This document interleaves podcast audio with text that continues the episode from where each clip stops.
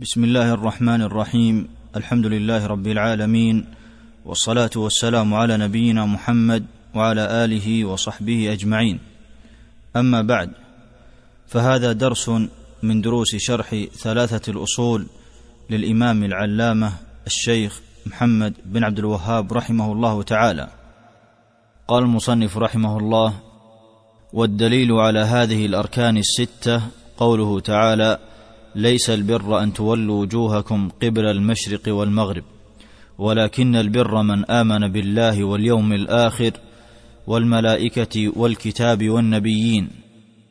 قوله والدليل على هذه الأركان أي والدليل على هذه الأركان أي أركان الإيمان الستة وأنه لا يستقيم إيمان عبد إلا بها جميعا بأن يأتي بجميع هذه الأركان.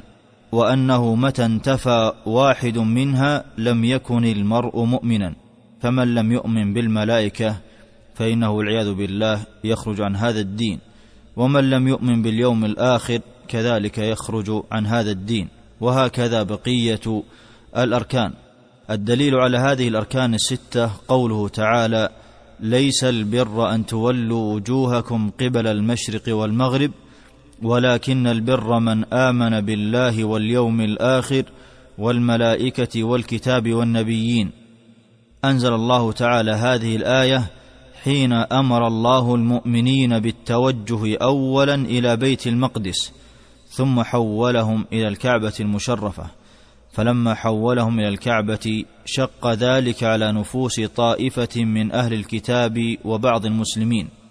فأنزل الله بيان حكمته في ذلك وهو أن المراد إنما هو طاعة الله عز وجل وامتثال أوامره والتوجه حيث ما وجه واتباع ما شرع فهذا هو البر والتقوى والإيمان الكامل وليس في لزوم التوجه إلى أي جهة من المشرق أو المغرب بر ولا طاعة إن لم يكن عن أمر الله وشرعه وذلك لما حولوا إلى الكعبة. ولهذا قال ليس البر أي ليس هذا هو البر المقصود من العباد أن تولوا وجوهكم قبل المشرق والمغرب ولكن البر أي ولكن البر هو امتثال أوامر الله واتباع ما شرع. وأعظمه ما ذكره في هذه الآية أو هذه أنواع البر كلها. وبدأ بالإيمان بقوله من آمن بالله ولكن البر من آمن بالله أو هذا البر بر من آمن بالله أي بتفرده جل وعلا بالربوبية والألوهية والأسماء الحسنى والصفات العلى إذ هو أصل الأصول وهو الإيمان بالله. ولكن البر من آمن بالله واليوم الآخر. واليوم الآخر هو كل ما أخبر الله به في كتابه أو أخبر به الرسول صلى الله عليه وسلم مما يكون بعد الموت من بعث الخلائق وإعادة الأجساد كما كانت ورد الأرواح إليها وجمع الأولين والآخرين ليوفى كل عامل ما عمل كما قال سبحانه ليجزى الذين أساءوا بما عملوا ويجزي الذين أحسنوا بالحسنى والإيمان باليوم الآخر يبدأ مما يكون بعد الموت. قوله سبحانه ولكن البر من آمن بالله واليوم الآخر والملائكة أي الذين وصفهم الله لنا في كتابه ووصفهم لنا رسوله صلى الله عليه وسلم. والكتاب هو اسم جنس يشمل جميع الكتب المنزلة من السماء على الأنبياء أي ولكن البر من آمن بجميع الكتب وهذه الكتب ختمت بأشرفها وهو القرآن المهيمن على ما قبله من الكتب وقد نسخت جميع ما سواه من الكتب قبله ولا يجوز التحاكم ولا العمل إلا بالقرآن العظيم. والنبيين أي والإيمان بجميع الأنبياء عموما وخصوصا أي والنبيين أي وجميع الأنبياء عموما وخصوصا خاتمهم محمد صلى الله عليه وسلم. فمن لم يتبع النبي عليه الصلاة والسلام ولم يقتفي شريعته فإنه ليس على ملة الإسلام. قال سبحانه ومن يبتغ غير الإسلام دينا فلن يقبل منه وهو في الآخرة من الخاسرين. فهذه الآية ذكرت خمسة أركان من أركان الإيمان وهو الإيمان بالله وملائكته وكتبه ورسله واليوم الآخر. وأما دليل الركن السادس وهو الإيمان بالقدر خيره وشره هو ما ذكره المصنف بقوله ودليل القدر قوله تعالى إنا كل شيء خلقناه بقدر ودليل القدر أي والدليل على أن القدر ركن من أركان الإيمان لا يستقيم إيمان عبد إلا به قوله تعالى أنا كل شيء وهذا شامل للمخلوقات والعوالم العلوية والسفلية. أنا كل شيء خلقناه أي نحن خلقناه لا خالق لها سوانا. خلقناه بقدر أي أن ما خلقناه مقدر مكتوب في اللوح المحفوظ بما سبق به علمنا وجرى به قلمنا بوقتها ومقدارها وجميع ما اشتملت عليه من الأوصاف. وبعض الناس لا يرضى بما قسمه الله له من خير ويقدح بما كتب عليه من شر تسخطا على ربه. قال ابن القيم رحمه الله في زاد المعاد أكثر الخلق بل كلهم إلا من شاء الله يظنون بالله غير الحق ظن السوء. والمراد بظن السوء أي أن الله لا يرزقنا كما نطمح ولا يعطينا ما نطلب وأن الله عز وجل ليس كريما فيما سألناه من السؤال ونحو ذلك. فهذا هو من الظن السوء ومن الظن السوء أيضا أن الله لن ينصر أولياءه ولن يعلي كلمته. قال رحمه الله أكثر الخلق بل كلهم إلا من شاء الله يظنون بالله غير الحق ظن السوء فإن غالب بني آدم يعتقد أنه مبخوس الحق أي أنه لم يعطى ما سأل ناقص الحظ أي أنه أنقص ما طلب. وأنه يستحق فوق ما أعطاه الله. فيقول مثلا أنا أصلي وأنا أصوم فلماذا لا يغدق الله علي النعم؟ ولماذا لا يرزقني ربي فوق ما طلبت؟ قال رحمه الله ولسان حاله يقول ظلمني ربي ومنعني ما أستحقه ونفسه تشهد عليه بذلك وهو بلسانه ينكره ولا يتجاسر على التصريح به أي وهو بلسانه ينكر أن الله لم يعطه حقه كما طلب ويقول الله أعطانا نعما عظيمة لكنه في قرارة نفسه يقول إن الله لم يعطني سؤلي قال ومن فتش نفسه وتغلغل في معرفة دفائنها وطواياها رأى ذلك فيها كامنا كمون النار في الزناد فاقدح زناد من شئت ينبئك شراره عما في زناده. أي لو سألت من سألت وصدقك في القول لوجدت ذلك الجواب عنده وهو أن الله لم يعطنا ما طلبناه. قال ولو فتشت من فتشته لرأيت عنده تعتبا على القدر وملامة له واقتراحا عليه خلاف ما جرى به. وأنه كان ينبغي أن يكون كذا وكذا. قال فمستقل ومستكثر. أي أن الناس في ذلك منهم من هذا الظن السوء قليل في قلبه ومنهم من هو كثير والعياذ بالله. قال وفتش نفسك هل أنت سالم من ذلك؟ فيجب على المسلم أن يسلم بما قدره الله عز وجل وأن يشكر نعمه التي اعطاها عليها. وأن يصبر على القضاء والقدر فيما قدر عليه واعلم أن هذه الدار إنما هي دار ممر لا دار مقر. فيجب عليه أن يصبر على لأوائها واعلم أن الخلود مع الإيمان إنما هو في جنات عدن. واعلم أن هذه الدنيا ليست براحة. قال ابن الجوزي رحمه الله لو كانت الدنيا فيها راحة لم تتميز الجنة عن الدنيا فالراحة لمن كان مؤمنا بالله ومات عليه فراحته في جنات النعيم. كما قال سبحانه ذلك هو الفوز الكبير. أما في هذه الدنيا فالمرء في حياته معرض للفتن والرزايا والمحن والبلايا ولا ينصع نور الإيمان ويرسخ اليقين إلا بالتمحيص والمماحلة.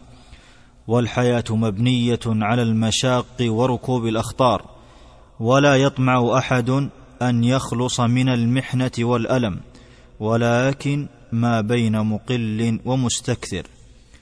قال ابن الجوزي رحمه الله في صيد الخاطر من يريد أن تدوم له السلامة والنصر على من يعاديه والعافية من غير بلاء فما عرف التكليف ولا فهم التسليم. ولا بد من حصول الألم لكل نفس سواء آمنت أم كفرت. والقواطع ممن يتبين بها الصادق من الكاذب. قال جل شأنه أحسب الناس أن يتركوا أن يقولوا آمنا وهم لا يفتنون؟ وما الابتلاء إلا عكس المقاصد وخلاف الأماني. والدنيا لا تصفو لأحد. ولو نال منها ما عساه ان ينال. قال عليه الصلاه والسلام كما في صحيح البخاري من يرد الله به خيرا يصب منه. والمرء يتقلب في زمانه في تحول من النعم واستقبال للمحن. قال ابن القيم رحمه الله في الفوائد من خلقه الله للجنه لم تزل تاته المكاره. والمؤمن الحازم يثبت للعظائم ولا يتغير فؤاده ولا ينطق بالشكوى لسانه. وكتمان المصائب والأوجاع من شيم النبلاء. وما هلك الهالكون إلا من نفاد الجلد. فخفف المصاب عن نفسك بوعد الأجر وتسهيل الأمر لتذهب المحن بلا شكوى. وتذكر دوما أنك ما منعت إلا لتعطى ولا ابتلاك إلا لتعافى ولا امتحنك إلا لتصفى وليس للمرء سوى الصبر على المصائب. قال ابن الجوزي رحمه الله ليس في التكليف أصعب من الصبر في القضاء ولا فيه أفضل من الرضا به. ومن تأمل بحر الدنيا وعلم كيف تتلقى الأمواج وكيف يصبر على مدافعة الأيام لم يتهول نزول بلاء ولم يفرح بعاجل رخاء. فلا تتألم على فوات حظوظ الحياة. قال ابن القيم رحمه الله في مدارج السالكين قال لي شيخ الإسلام مرة العوارض والمحن هي كالحر والبرد فإذا علم العبد أنه لا بد منهما لم يغضب لورودها ولم يغتم لذلك ولم يحزن. فطوارق الحياة هموم والناس فيها معذبون على قدر هممهم بها. فأيقن بقدر الله وخلقه وتدبيره واصبر على بلائه وحكمه واستسلم لأمره. فالدنيا طافحة بالأنكاد والأكدار مطبوعة على المشاق والأهوال. وكن مؤمنا بالأقدار فالإيمان بها ركن من أركان الدين وليس كل ما يتمنى يدرك وبالإلحاح في الدعاء والتوجه إلى الله بالكلية تفتح الأبواب ويتحقق المرغوب. قال رحمه الله المرتبة الثالثة الإحسان. قوله المرتبة الثالثة أي من مراتب الدين. وقد سبق أن الدين له ثلاثة مراتب المرتبة الأولى الإسلام وذكر أركانه وهو خمسة أركان أن تشهد أن لا إله إلا الله وأن محمدا رسول الله وإقام الصلاة وإيتاء الزكاة وصوم رمضان وحج البيت الحرام. وذكر أدلة كل ركن. المرتبة الثانية مرتبة الإيمان وأن له ستة أركان. وذكر أركانه وهي الإيمان بالله وملائكته وكتبه ورسله واليوم الآخر والإيمان بالقدر خيره وشره. وذكر دليل تلك الأركان. وهنا يذكر المرتبة الثالثة وهي مرتبة الإحسان. ومرتبة الإحسان هو نهاية الإخلاص والإخلاص إيقاع العمل على أكمل وجوهه في الظاهر والباطن. وهذا هو الإحسان. ولذا يفسر الإحسان بالإخلاص. فمن كان محسنا لله في ظاهره وباطنه فهو المخلص وهو المحسن. واشتقاقه أي الإحسان من الحسن وهو نهاية الإخلاص الناشئ عن حقيقة الاستحضار. أن يستحضر الإنسان أنه يرى ربه حال العبادة فإن لم يكن يراه فإن الله يراه سبحانه. نهاية الإخلاص الناشئ عن حقيقة الاستحضار ومن حيث الظاهر كمال المتابعة. أي أن الإحسان في القلب وفي الظاهر. في القلب باستحضار ركن الإحسان كما سيأتي. أن تعبد الله كأنك تراه فإن لم تكن تراه فإنه يراك. وهو أي الإحسان من حيث الظاهر فيه المتابعة للنبي عليه الصلاة والسلام حال العبادة فلا يبتدع شخص عبادة لا ببدعة ولا بأهواء. وتفسير الإحسان بالإخلاص تفسير له بنتيجته وثمرته. فإن من اتصف بذلك فإنه يكمل العمل في الظاهر والباطن. فإذا أحسن الشخص فهو مخلص. قال شيخ الإسلام رحمه الله الإحسان ها هنا هو فعل المأمور به سواء كان إحسانا إلى الناس أو إلى نفسه فأعظم الإحسان الإيمان والتوحيد والإنابة إلى الله تعالى والإقبال عليه والتوكل وأن يعبد الله كأنه يراه اجلالا ومهابة وحياء ومحبة وخشية فهذا هو مقام الإحسان. أي أن يعبد العبد ربه كأنه يراه. وقال ابن دقيق رحمه الله في شرح الأربعين النووية حاصله أي حاصل الإحسان راجع إلى إتقان العبادات ومراعاة حقوق الله ومراقبته واستحضار عظمته وجلالته حال العبادات. فهذا هو الإحسان إتقان للعبادة ومراعاة لحقوق الله ومراقبته واستحضار لعظمته في القلب حال العبادة. ومرتبة الإحسان هي أعلى المراتب وأعمها من جهة نفسها لأنها يدخل فيها مرتبة الإسلام ومرتبة الإيمان فهي أعم من جهة نفسها وأخص من جهة أصحابها فأصحابها قلة فمن كان محسنا فهو مؤمن مسلم. وليس من كان مؤمنا فهو محسن وكذا ليس من كان مسلما فهو محسن. فكما أن الإيمان أعم من جهة نفسه وأخص من جهة أصحابه ولهذا يقال كل محسن فهو مؤمن مسلم لأن الإحسان هو أعلى المراتب فمن نال تلك المرتبة فقد تجاوز مرتبة الإسلام والإيمان وتلك المرتبتان تصحبه معه في مرتبة الإحسان وليس كل مسلم مؤمنا محسنا أي ليس كل من كان مسلما فإنه يكون قد وصل إلى مرتبة الإحسان أو إلى مرتبة الإيمان فليس كل مسلم محسنا. وإذا أطلق الإحسان فإنه يدخل فيه الإيمان والإسلام فإن الإسلام والإيمان والإحسان دوائر. أوسعها دائرة الإسلام ثم يليها في السعة الإيمان أضيق منها ثم أضيقها دائرة الإحسان وهي أعلاها فهي كالدوائر بعضها فوق بعض. الإسلام أوسعها ثم دائرة أضيق منها وأعلى وهي مرتبة الإيمان ثم دائرة ثالثة أعلى منها وأضيق وهي دائرة الإحسان وهذه الدوائر كل واحدة منها محيطة بالأخرى ومعلوم أن من كان في دائرة الإحسان فهو داخل في الإسلام والإيمان وإذا خرج عن الأول فهو داخل في الثانية وهي دائرة الإيمان وإذا خرج عن دائرة الإيمان فهو داخل في الدائرة الثالثة وهي دائرة الإسلام. ومن خرج عن هذه الدوائر الثلاث فهو خارج إلى غضب الله وعقابه وداخل في دوائر الشيطان والعياذ بالله.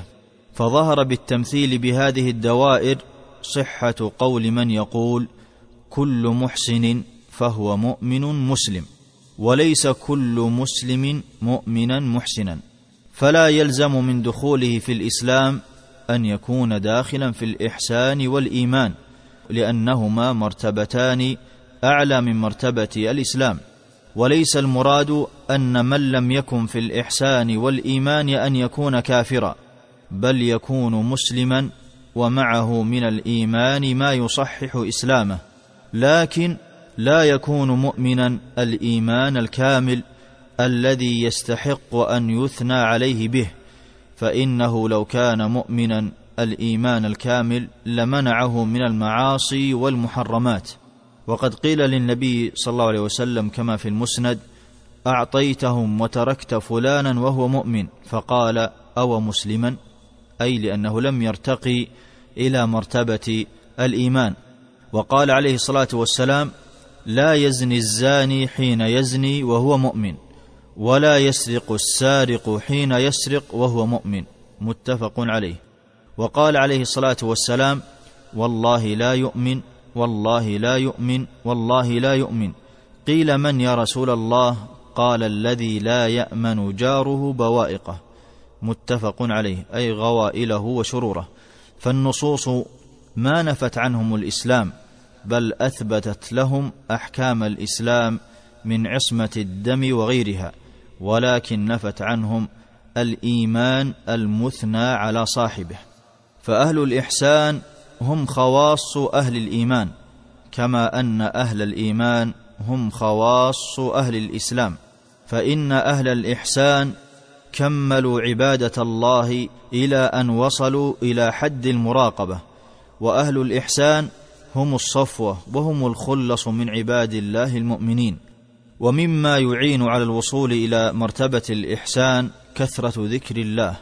قال ابن القيم رحمه الله في الوابل الصيب إنه أي الذكر يورثه المراقبة حتى يدخله في باب الإحسان فيعبد الله كأنه يراه. ولا سبيل للغافل عن الذكر إلى مقام الإحسان كما لا سبيل للقاعد إلى الوصول إلى البيت. أي أن من لم يكن مكثرا من ذكر الله تعالى لا يصل إلى مرتبة الإحسان. فينبغي للعبد أن يكثر من ذكر الله تعالى ومن تلاوة القرآن ليصل إلى تلك المرتبة العظيمة. مع دعاء الله عز وجل أن يجعلك من عباده المحسنين. ومراقبة الله هي أصل الأعمال القلبية. قال ابن القيم رحمه الله في إعلام الموقعين المراقبة أساس الأعمال القلبية كلها. وعمودها الذي قيامها به. فإذا كان الشخص يراقب ربه في كل أمر فهذا هو صلاح الأعمال كلها ظاهرها وباطنها. فراقب ربك في كل أعمالك وفي حركاتك وفي سكناتك لتصل إلى تلك المرتبة العالية المقربة إلى رب العالمين. قال رحمه الله الإحسان ركن واحد. وهو أن تعبد الله كأنك تراه فإن لم تكن تراه فإنه يراك. أي قوله رحمه الله الإحسان ركن واحد وهو أن تعبد الله أي تتعبد الله بأي عبادة كانت فتعبده سبحانه كأنك تراه أي كأنك ترى ربك الذي قمت بين يديه فإن لم تكن تراه أي إن لم تعبده على استحضار الدرجة الأولى وهي درجة المراقبة فإنه يراك أي فاعلم أنه يراك أي مطلع على جميع خفاياك. فهاتان درجتان إحداهما أكمل من الأخرى. الدرجة الأولى أن تعبد الله كأنك تراه وهذه درجة عالية. الدرجة الثانية من درجات الإحسان إن لم تكن تراه فإنه يراك. فإن لم تحصل عبادة الله كأنك تشاهده فاعبده على مرأى من الله وأنه بصير عليم بجميع ما تفعله. قال رحمه الله والدليل قوله تعالى إن الله مع الذين اتقوا والذين هم محسنون. أي والدليل على مرتبة الإحسان من القرآن قوله تعالى ان الله مع الذين اتقوا اي اتقوا ربهم بفعل الطاعات وترك المحرمات فالله عز وجل معهم. والذين هم محسنون اي الله عز وجل أيضا مع المحسنين في عبادتهم ربهم واحسانهم للخلق. فالله مع عباده المتقين والذين هم محسنون في العمل الله يحفظهم ويكلاهم ويؤيدهم. وهذه معية خاصة من رب العالمين لهم. قال المصنف رحمه الله وقوله وتوكل على العزيز الرحيم أي هذا دليل ثان أيضا على مرتبة الإحسان وهو قوله تعالى وتوكل على العزيز الرحيم أي توكل في جميع أمورك على العزيز الرحيم فإنه مؤيدك وحافظك. ثم نبهه على الاستعانة باستحضار قرب الله والنزول في منزل الإحسان فقال الذي يراك أي في هذه العبادة العظيمة وهي الصلاة الذي يراك حين تقوم أي حين تقوم إليها وتقلبك في الساجدين أي ويراك أيضا في صلاتك في حال ركوعك وسجودك وقعودك فيها وخص الصلاة بالذكر لفضلها وشرفها ولأن من استحضر فيها قرب ربه خشع وذل وأكملها وبتكميلها يكمل سائر عمله ويستعين بها على جميع أموره. إنه هو السميع العليم أي يسمع ويعلم جميع حركاتك مع رؤيته لك. قال رحمه الله وقوله وما تكون في شأن وما تتلو منه من قران ولا تعملون من عمل الا كنا عليكم شهودا اذ تفيضون فيه. الآية. أي هذا دليل ثالث أيضا على مرتبة الإحسان وهي قوله تعالى وما تكون في شان أي وما تكون يا محمد في شان أي في أي عمل من الأعمال.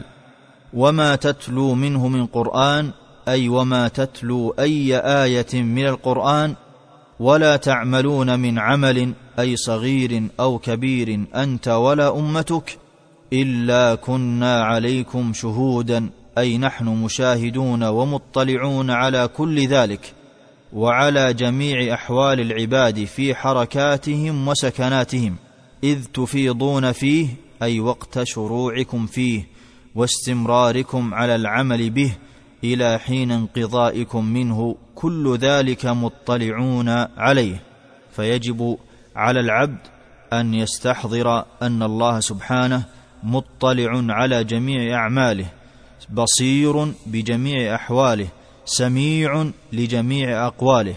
وإذا كان كذلك فيجب على العبد أن يبتعد عن السيئات والمعاصي وأن يكثر من الطاعات والقربات لاطلاع الله عز وجل عليه ولمجازاته عليه إما بالإحسان أو بالإساءة. فابتعد عن الخطايا وتقرب إلى الله بالطاعات. وإلى هنا نأتي إلى نهاية درس من دروس شرح ثلاثة الأصول للإمام العلامة الشيخ محمد بن عبد الوهاب رحمه الله. وصلى الله وسلم على نبينا محمد وعلى آله وأصحابه أجمعين. تم تنزيل هذه المادة من موقع نداء الإسلام www.islam-call.com